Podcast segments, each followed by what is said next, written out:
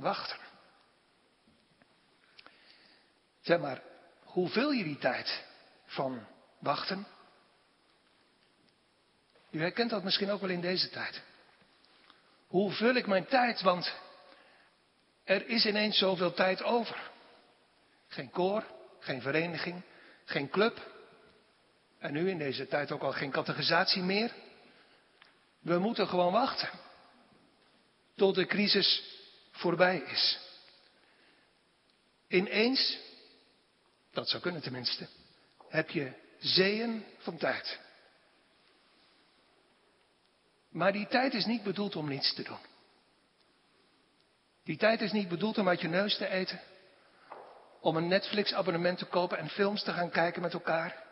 Die tijd is ook niet bedoeld om de bouwmarkt leeg te kopen en je huis te gaan verbouwen. Ja, dat kan allemaal wel, maar daar is de wachtenstijd niet voor bedoeld. En dat zien we hier. Zij, die discipelen en die 120 mensen die bij elkaar zijn, hebben zeeën van tijd om te wachten. Zoals heel lang daarvoor het volk Israël bijvoorbeeld ook moest wachten na de overtocht over de Jordaan aan de grens van het land Canaan. Ze moesten wachten. Vier dagen lang. Ik denk dat ze zelf liever direct in actie gekomen waren. En direct tot de aanval overgegaan waren. Maar nee, zei de Heer. Wacht, Heer. Maar ook dat waren geen dagen van luieren en niets doen. De mannen die de tijd daarvoor niet besneden waren, moesten alsnog besneden worden. En ze hebben samen voor het eerst in een hele lange tijd Pascha gevierd.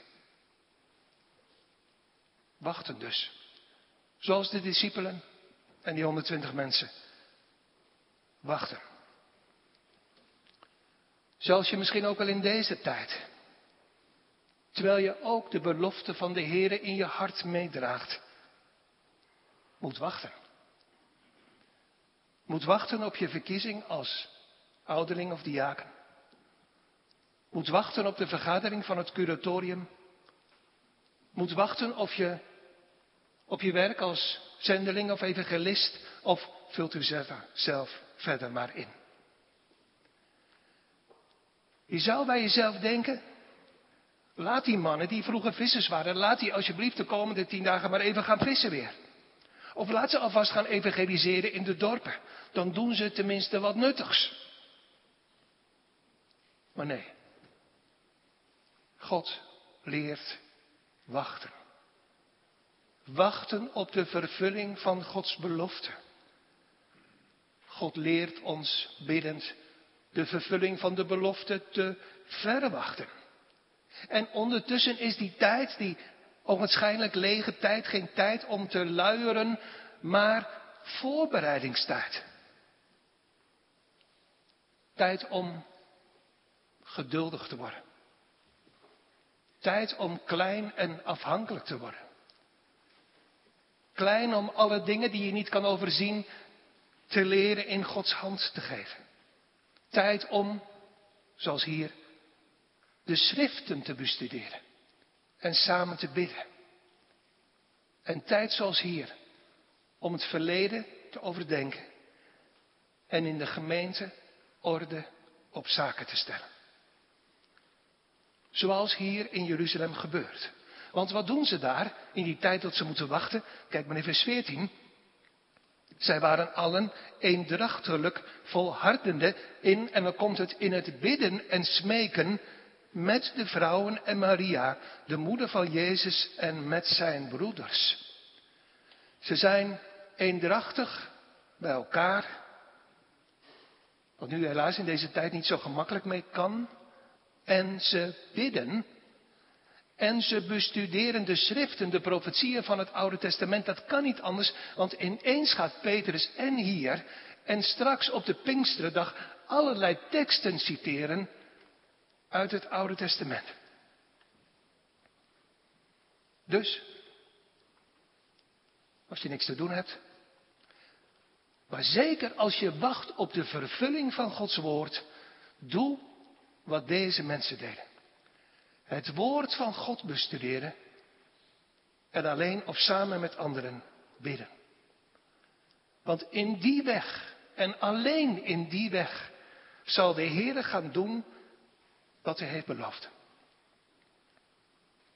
En dan, zo begint het in vers 15, in die dagen staat Petrus op en begint die groep mensen die bij elkaar is, die 120 in totaal, toe te spreken. Terugwijzend naar Judas. Wat moeten zij zich ook door hun medebroeder bedrogen gevoeld hebben? Hij leidde, zo staat in vers 16, de bende die Jezus arresteerde in Gethsemane. En, vers 17, hij was met ons gerekend en had het lot van deze bediening verkregen. Aangrijpende tekst. Je kunt gerekend worden tot het getal van de broeders. Als dominee, als ouderling, als diaken. En er toch niet bij horen. Je kunt gerekend worden tot het getal van de christenen. En er toch niet bij horen. Wachtend op het moment dat tarwe en onkruid samen geoogst worden. Wachtend op het moment dat, zoals de Bijbel het zegt, het kostelijke van het snode, het waardevolle van het echte, van het slechte, gescheiden gaat worden. Ons ambt, ons lid zijn van de kerk, kan, dat blijkt hier, verzwaring worden van ons oordeel en van onze eeuwige ondergang. Als we wel een uiterlijk van godzaligheid hadden, maar in ons hart een werker van ongerechtigheid gebleven zijn.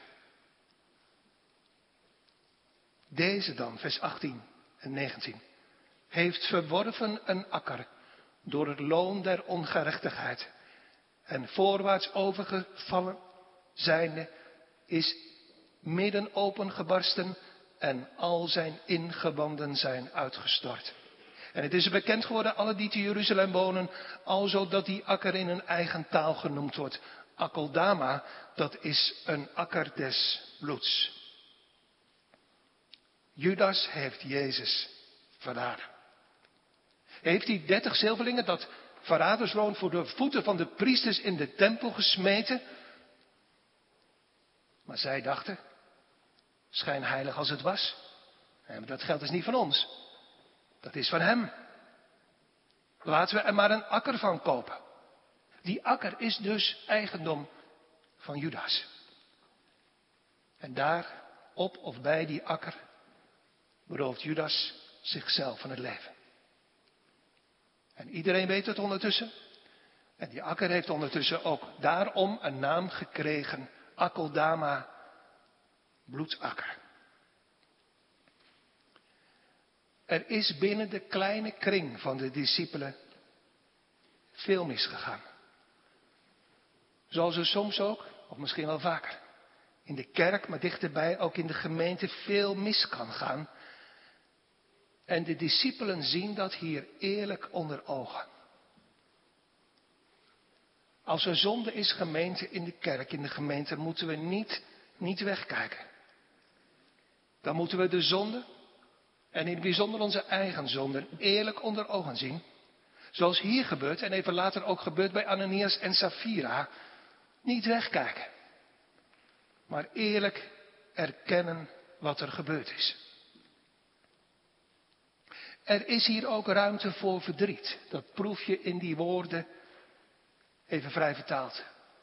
Een van ons is niet meer.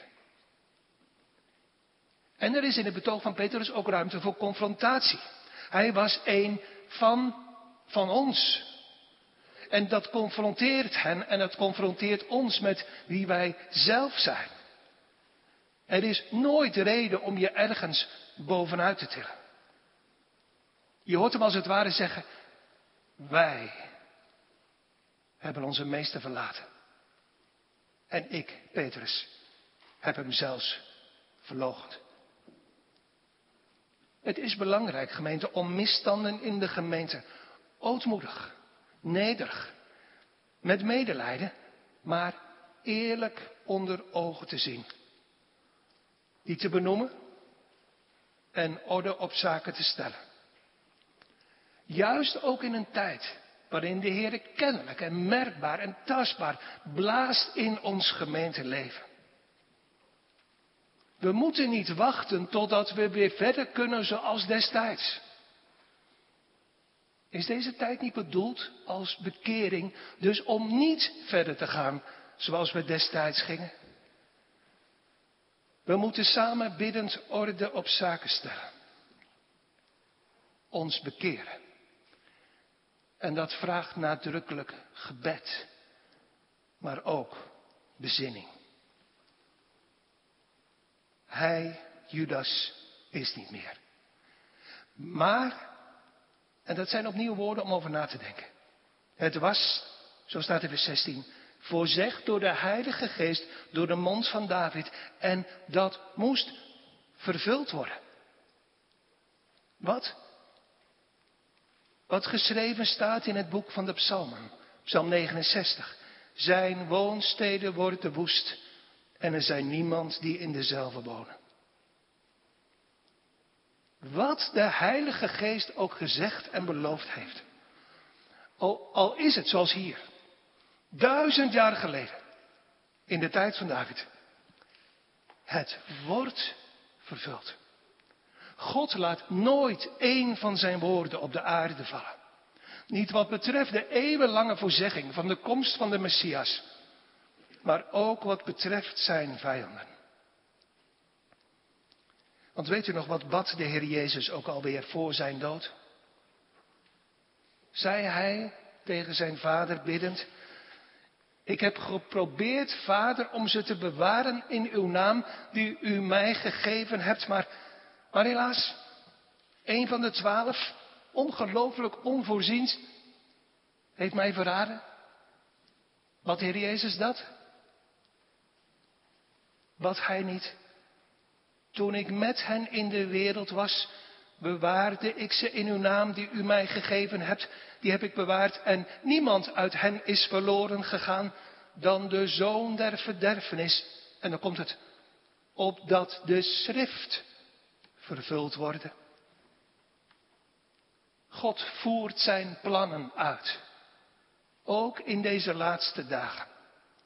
En niets en niemand kan hem daarin de weg versperren.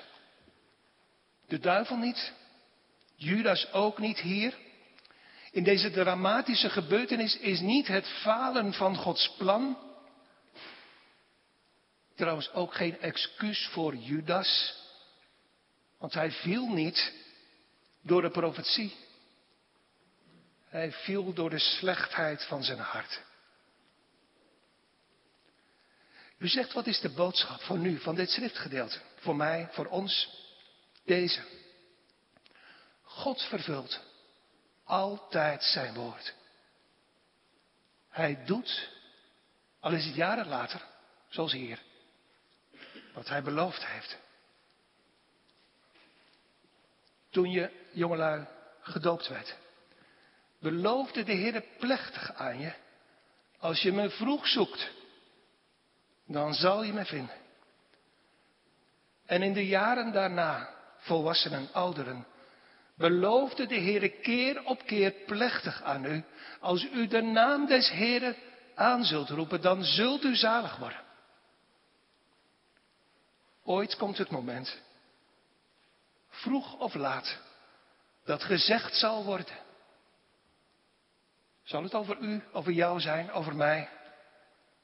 De schrift is vervuld. Hij zocht en hij vond.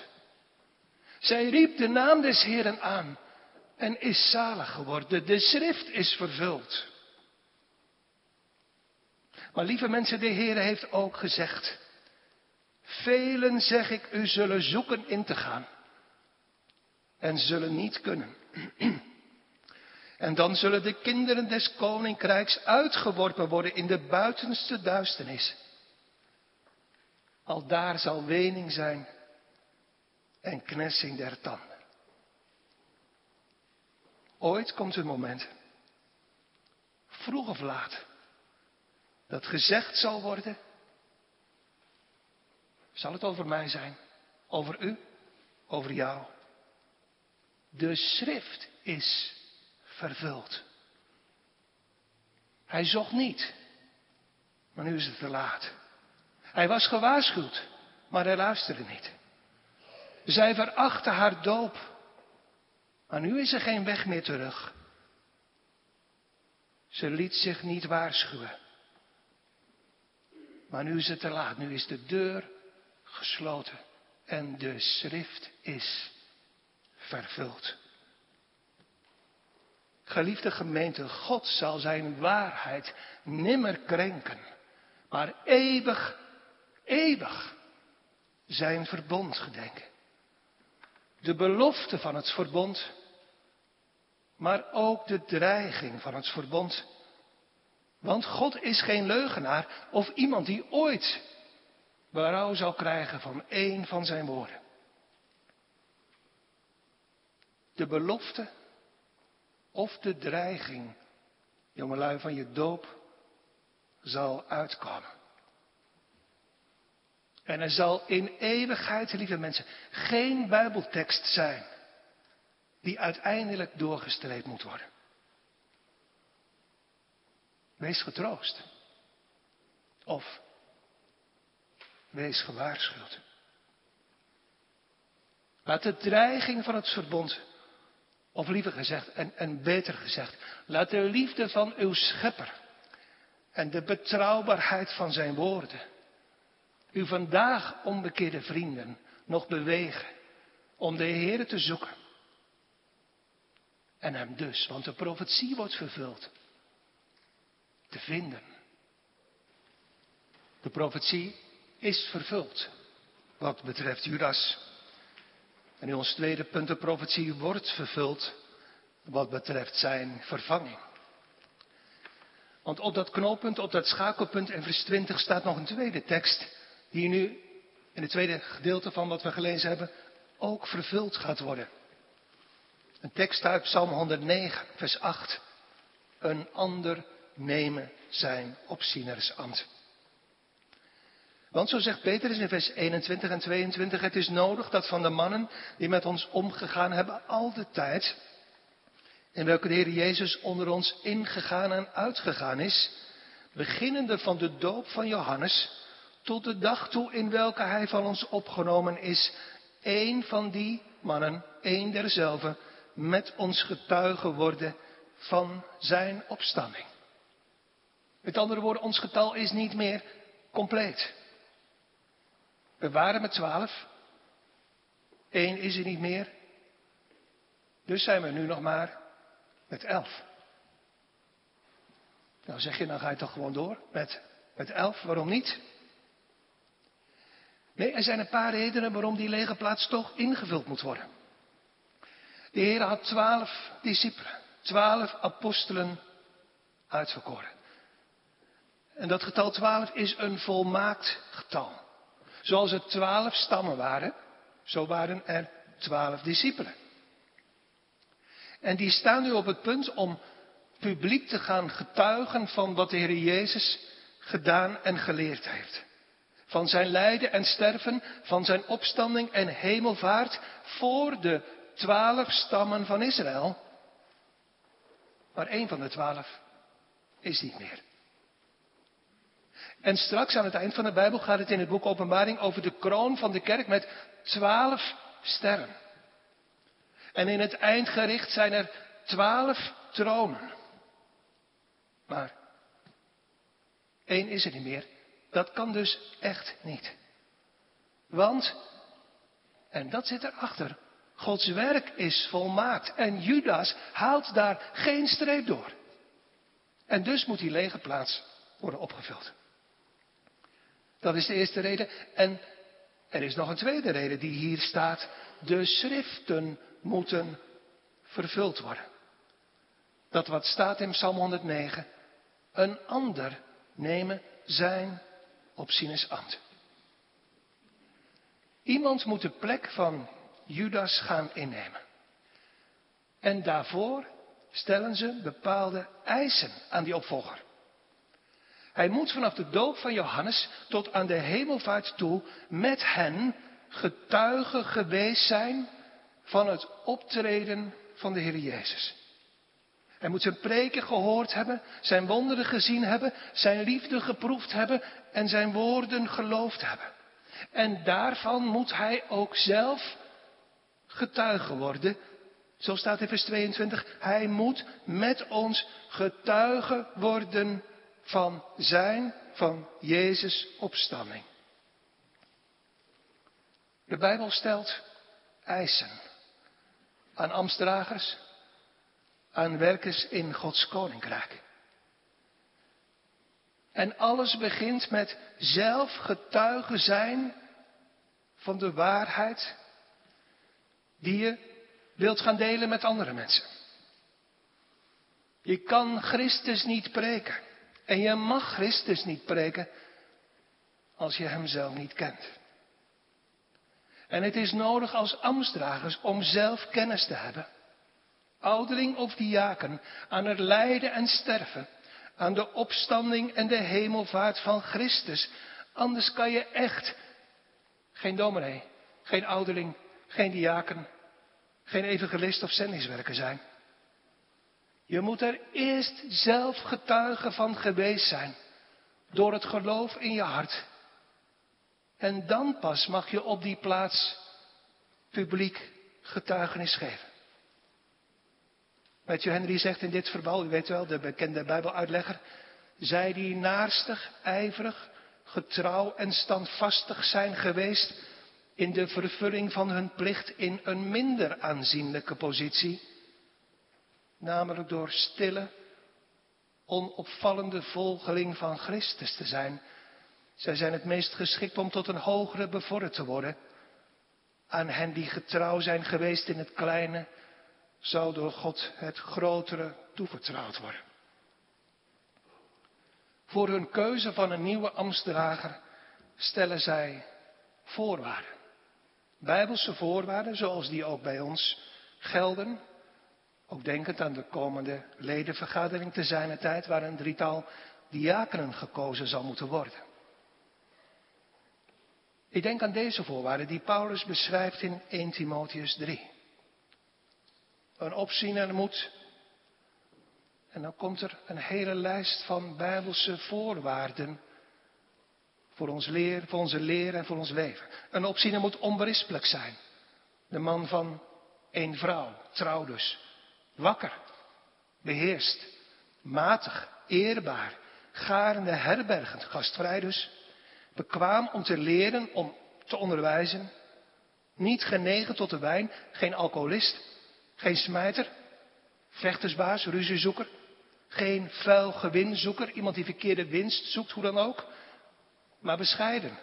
Geen vechter, niet geldgierig, die zijn eigen huis wel regeert zijn kinderen in onderdanigheid houdende met alle stemmigheid, met eerbaarheid. Geen nieuweling, geen pasbekeerde, opdat hij niet opgeblazen, trots, verwaand wordt en in het oordeel van de duivel zal vallen.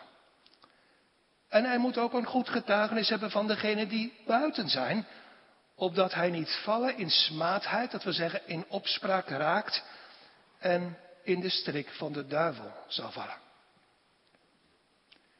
Het is in onze kerkelijke orde zo dat het de taak van de kerkraad is om een dubbel getal, dus twee keer zoveel als dat er nodig zijn, voor te stellen. En zo de keus aan de gemeente over te laten, zoals zij hier uiteindelijk ook de keus uit een dubbelgetal overlaten aan die 120 mensen die daar samen vergaderd zijn. Kijk maar in vers 23. Zij stelden er twee, Jozef genaamd Barzabas, die toegenaamd was Justus, en Matthias. En, ik lees verder, vers 24 en 25, zij baden en zeiden, Gij, heren, u kenner van harten, van allen, wijs van deze twee één aan, die u uitverkoren hebt om te ontvangen het lot van deze bediening en van het apostelschap, waarvan Judas afgeweken is, dat hij heen ging in zijn eigen plaats. Er valt misschien van alles van deze twee mannen te zeggen, over Jozef en Matthias, de twee kandidaten zo gezegd. Maar eigenlijk weten we verder helemaal geen details over ze dan hun, hun naam en hun bijnaam. Maar in het keuzeproces, om het zo te noemen, vallen wel een aantal dingen op. En het is niet voor niets dat dat hier zo expliciet genoemd staat. En daarom is het ook niet iets om in de zondagse preek over te slaan. Dit gaat over gemeente zijn, op de manier zoals God het wil. En dit gaat over de manier waarop God zijn zegen wil geven aan degenen die in de kerk dienen. Het eerste wat opvalt is dat Jozef en Matthias zelf geen vin verroeren. Ze introduceren zichzelf niet. Ze proberen niet hoe dan ook stemmen te winnen. Ze vechten niet om een plek. Ze wachten, stil en ootmoedig, op wie er gekozen gaat worden. En de een die niet gekozen wordt, gunt van harte de plek aan de ander. Met andere woorden, dat is de les voor vandaag. Kandidaten voor een ambt moeten ootmoedig zijn, stil zijn en wachten op God. Het tweede wat opvalt is de, het feit dat de elf bestaande apostelen nummer twaalf ontvangen als een broeder. Ze stellen ook geen hiërarchie voor. Zo in het trant van mij waren de eerste en jij bent iemand van de tweede lichting. Je bent van later. Nee, wie het lot van deze bediening ontvangen heeft, moet zijn medebroeder aanvaarden als gelijke. Want mijn gekregen genade is gelijk aan die van mijn medebroeder. En het derde wat opvalt, is vooral het gebed wat gedaan wordt voor deze verkiezing. Een heel ootmoedig gebed. U, Heer, u kenner van de harten van allen, wijst u van deze twee één aan die u uitverkoren hebt. U opgestane Heer, die zit aan de rechterhand van uw Vader, koning van de kerk, die alle macht hebt en beloofd hebt met ons te zullen zijn en blijven, u kenner van harten van allen. Als Amsterdager kan je soms denken, maar wat een dwaasheid is dat, dat je ook zo ver gevorderd bent. Dat je harten zou kunnen kennen, maar wat is dat een grote vergissing. We zijn geen hartenkennis. En dus past ons als Amsterdagers altijd bescheidenheid en voorzichtigheid. We mogen het woord laten spreken. En dit woord veroordeelt ook zondige levens die zichtbaar in het kwaad van de zonde leven. En dit woord veroordeelt ook verkeerde leringen die publiek met anderen gedeeld worden, maar harten kennen doen wij niet. En zelfs de groten in het koninkrijk der hemelen hebben zich hierin schromelijk vergist. Denk aan Samuel, de grote profeet. Hij kiest een zoon van Isaïe om koning te worden in Israël. En bij de eerste die hij ziet, denkt hij, die moet het zijn. Het geschiedde toen zij inkwamen, zo zag hij Samuel, Eliab, grote sterke kerel, aan en dacht, zekerlijk is deze voor de Heere zijn gezalfde. Maar de Heere zei tot Samuel, zie zijn gestalte niet aan, nog de hoogte van zijn statuur, zijn statuur, zijn lengte, want ik heb hem verworpen. Want, en dan komt het, het is niet gelijk de mens ziet, want de mens ziet aan wat voor ogen is, maar de Heere ziet het hart aan. Wat een pijnlijke vergissing. Een vergissing die, laten we eerlijk zijn, wij mensen in deze tijd nu zeker ook kunnen maken en ongetwijfeld in het verleden gemaakt hebben. Als kerkenraad, als curatorium, als deputaatschap voor zending of evangelisatie. Aanzien wat voor ogen is, maar je totaal vergissen. En dus is er reden om de Heer ernstig te bidden en te vragen. Ook gelet op de vacatures die er zijn in de kring van de kerkenraad. Zoals Mozes bad, toen er een opvolger in zijn plaats moest komen. Er staat in nummer 27, toen sprak Mozes tot de Heere zeggende, dat de Heere, de God der geesten van alle vlees, een man stellen over deze vergadering. Die voor een aangezicht uitga en die voor een aangezicht inga. En die hen uitleiden en die hen inleiden. Opdat de vergadering des Heren niet zij als schapen die geen herder hebben. Zoals Mozes bad. Zoals in het Nieuwe Testament gebeden wordt voor de diakenen in Handelingen 6. Welke zij voor de apostelen stelden en deze staat er, als zij gebeden hadden, legden hun de handen op. Bidden wij zo, broeders, gemeente, voor de gemeente en voor onze ambtsdragers. Zij bidden gezamenlijk. Gij, heren, gij kenner van harten van allen, wijs van deze twee mannen één aan die u uitverkoren hebt, om te ontvangen het lot van deze bediening en van het apostelschap waarvan Judas afgeweken is dat hij heen ging in zijn eigen plaats. Met andere woorden, heren, u, het gaat niet in de eerste plaats om ons kiezen, u hebt van deze mannen er één verkoren, één gekozen.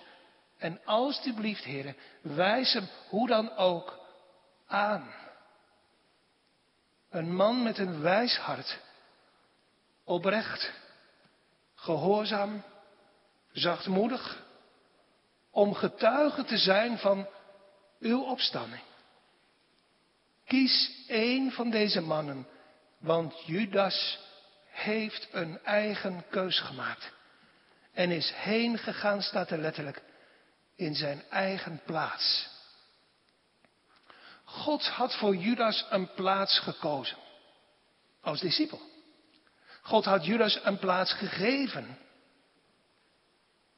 Maar Judas zelf koos een andere plaats. Buiten het hel. Klinkt toch weer opnieuw als een laatste waarschuwing. Je kunt heel dichtbij geweest zijn. Je kunt met Jezus omgegaan zijn. Zijn woorden gehoord, zijn wonderen gezien, zijn liefde geproefd. En toch uiteindelijk zelf kiezen voor een plaats buiten het hel. En dan vers 26 werpen ze hun lot. En het lot viel op Matthias. En hij werd met gemene toestemming, met instemming van allen, tot de elf apostelen gekozen. Matthias wordt gekozen door het lot. En iedereen stemt er van harte mee in. Ook die andere kandidaat, Jozef, genaamd Barzabas. Het getal is weer vol. vol. Twaalf apostelen. Maar vooral, de schrift is vervuld. Een ander nemen zijn opzienersambt. Is er reden, zegt u, om ook in deze tijd misschien het lot te werpen, om ambtsdragers te kiezen? Het valt op dat deze gebeurtenis van het lot werpen na het Oude Testament een uitzondering is. Tijdens de, de, omgang van de Heer Jezus op de aarde, tijdens zijn optreden gebeurt het niet en hierna gebeurt het ook niet meer. En ook in de vroege kerk is het, voor zover wij weten, geen gebruik geweest. Als de Bijbel en de vroege kerk stil zijn over iets? Moeten we denk nu in de kerk voorzichtig zijn om iets als gewoonte in te voeren wat geen sterke papieren heeft? Tot slot gemeente, de conclusie aan het einde van deze preek. De schriften zijn vervuld. God houdt zijn woord. Dwars door alles heen. Zonde, duivel, nood en dood kunnen hem daarin niet tegenhouden. Ook wij niet. Wat is dat troostvol? Maar wat is dat tegelijkertijd ook vol van dreiging? Wie geloofd zal hebben en gedoopt zal zijn, die zal zalig worden. God houdt zijn woord. Maar wie niet geloofd zal hebben, zal verdoemd worden. Want God houdt ook dat woord. Zo u zijn stem dan heden hoort. Lieve mensen, geloof toch, zijn heil en troostrijk woord verhard u niet, maar laat u leiden. Amen. We gaan samen bidden. Heren, wij danken u voor deze woorden. Die een persoonlijke strekking hebben. Tot troost en tot waarschuwing. Denk aan het feit dat u altijd uw woord vervult. Maar die zeker ook een strekking hebben voor ons als gemeente. En voor ons als ambtsdragers. Heer, geef dat we met dit woord ons hart en ieder van ons voor u zullen onderzoeken. En dat we als gemeente zullen gaan in het spoor van het woord zoals u dat wijst. Help ons daarin, Heer. Door ons te binden aan de schriften. Door onze ogen te openen. En ons geloof te geven. Niet in onze eigen ideeën. Maar in uw woorden. Die gewis en zeker zijn. En die u nooit op de aarde zult laten vallen. Wij danken u, Heer, dat we in stilte met elkaar hier samen mochten zijn. Thuis mochten meekijken en meeluisteren. Geef dat u uw woord blijvend zullen overdenken, ook op deze dag. Dat ook deze dag geen dag zal zijn van niets doen en van slapen. Maar een dag van bezinning. Van de schriften onderzoeken.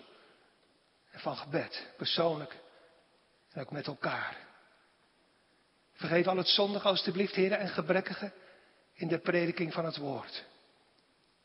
En wilt u uw woorden gebruiken, uw eigen woorden, om uw naam te verheerlijken, om uw gemeente te bouwen en ons allen, heren, persoonlijk te brengen tot het heil dat in Christus is. We vragen dat van u en we danken u in de naam van de Heer Jezus Christus. Uit genade. Amen.